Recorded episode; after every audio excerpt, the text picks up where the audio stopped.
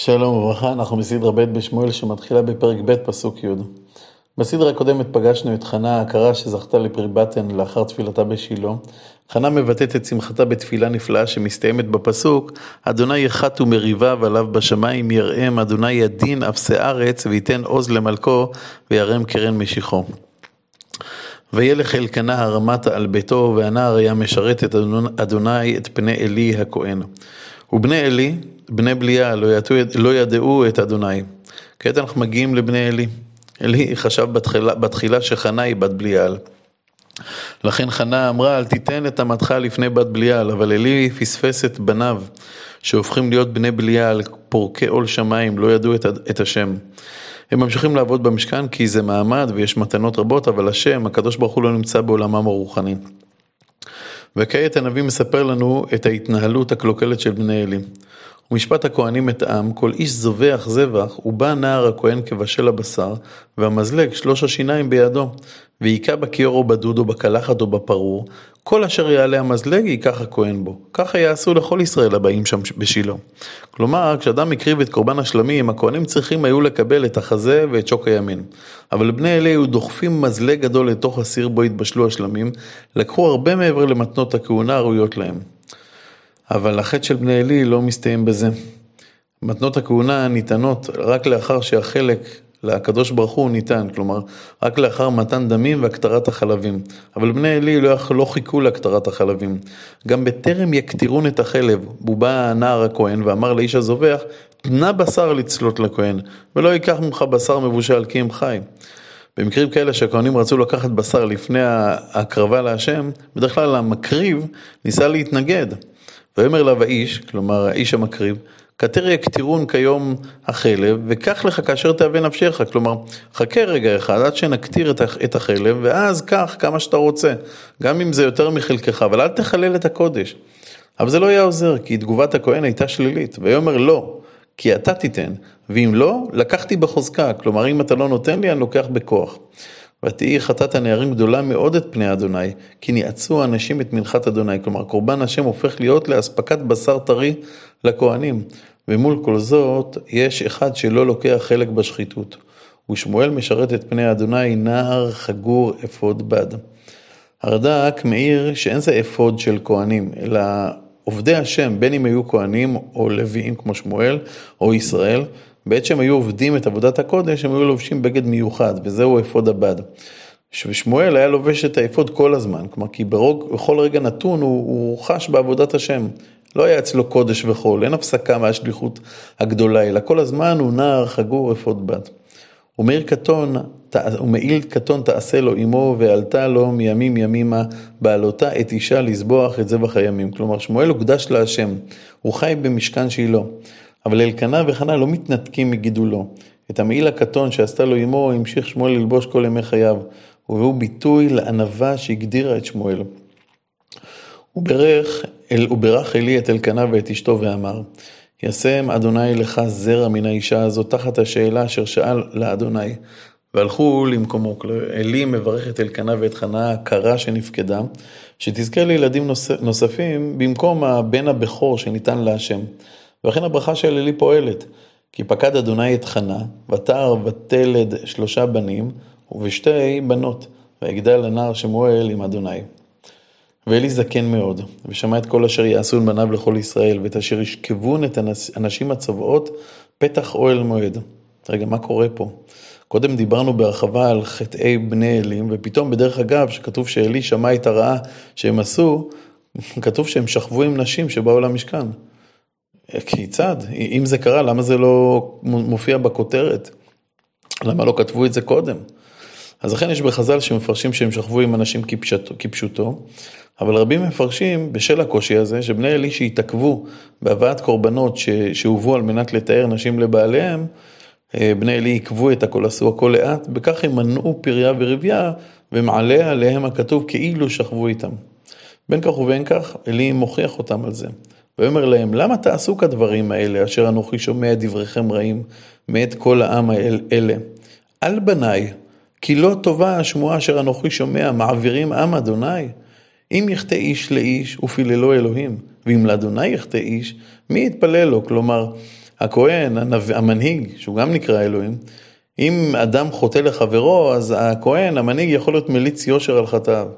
אבל אם גם המנהיג חוטא כלפי השם, ואדם חוטא כלפי השם, אז איך הכהן יוכל להליץ בעדו? אבל זה לא עוזר, ולא ישמעו לכל אביהם, כי חפץ אדוני לעמיתם. הם הקדישו את הסאה ונגזר דינם. והנער שמואל הולך וגדל וטוב גם עם אדוני וגם עם אנשים. כלומר, אל מול בני עלי ניצבת דמותו של שמואל המזהירה, שלם עם אלוקים ואדם. וכעת מגיעה נבואת השם לעלי. ויבוא איש אלוהים אל עלי, ויאמר אליו, כה אמר אדוני, אני לא נגליתי אל בית אביך בהיותם במצרים לבית פרעה, ובכור אותו מכל שבטי ישראלי לכהן, לעלות אל מזבחי, להקטיר קטורת, לשאת אפוד לפניי. ואתנה לבית אביך את כל אישי בני ישראל. כלומר, אני נגליתי לאביך, לאהרון, ונתתי לבניו ולמשפחתך את הזכות להיות אה, משרתי השם ולהקריב את הקורבנות. למה תבעטו בזבחי ובמנחתי אשר ציוויתי מעון, ותכבד את בניך ממני להבריאם מראשית כל מנחת ישראל לעמים? אמנם עלי הוכיח את בניו על קשורה שהם ממשיכים בדרכם, הוא השאיר אותם בתפקיד אותם. בתפקיד שלהם, להשמין מקורבנות השם. לכן נאום אדוני אלוהי ישראל, אמור אמרתי, ביתך ובית אביך יתהלכו לפניי עד עולם. כלומר, אילולא החטאים שלכם, הבית שלכם, בית איתמר, היו כהנים גדולים עד עולם. ועתה נאום אדוני חלילה לי, כי מכבדי אכבד ובוזי יקלו. אתם שביזיתם אותי, לאט לאט תכלו.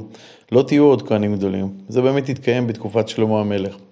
הנה ימים באים, וגדעתי את זרועך ואת זרוע בית אביך מיות זקן בביתך.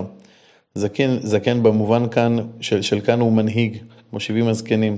הנביא אומר לעלי כי הנהגה כבר לא תהיה אצל צאצאיו. ואיבדת צער ומעון בכל אשר ייטיב את ישראל. כלומר, כאשר יהיה בית מקדש על תילו, תראה כיצד משפחת כהנים אחרת, היא זו שמובילה את העם ולא אתם. ולא יהיה זקן בביתך כל הימים. כעת מדובר על זקן מבחינת השנים. כנגד זה שלקחתם את הקורבנות קודם זמנם, לא יהיה לכם אדם מבוגר בביתכם. ואיש לא אחריק לך ממזבחי, לכלות את עיניך ולהדיב את נפשך, וכל מרבית, מרבית ביתך ימותו אנשים, כלומר בית עלי ימותו בצעירותם. והנביא גם נותן סימן לאמיתות הנבואה, וזה לך האות. אשר יבוא אל שני בניך אל חופני ופנחס ביום אחד, ימותו שניהם. והקימותי לי כהן נאמן כאשר בלבבי, ובנפשי יעשה, ובניתי לו בית נאמן, והתהלך לפני משיחי כל הימים. והיה כל הנותר בביתך יבוא להשתחוות לו לאגור, לאגורת כסף ולכיכר לחם, ואמר ספחני נא אל אחת הכהונות לאכול פת לחם. כלומר, צאצאיך יבואו לפני הכהן הגדול שלא יהיה ממשפחתך, ויבקשו ממנו ממש צדקות.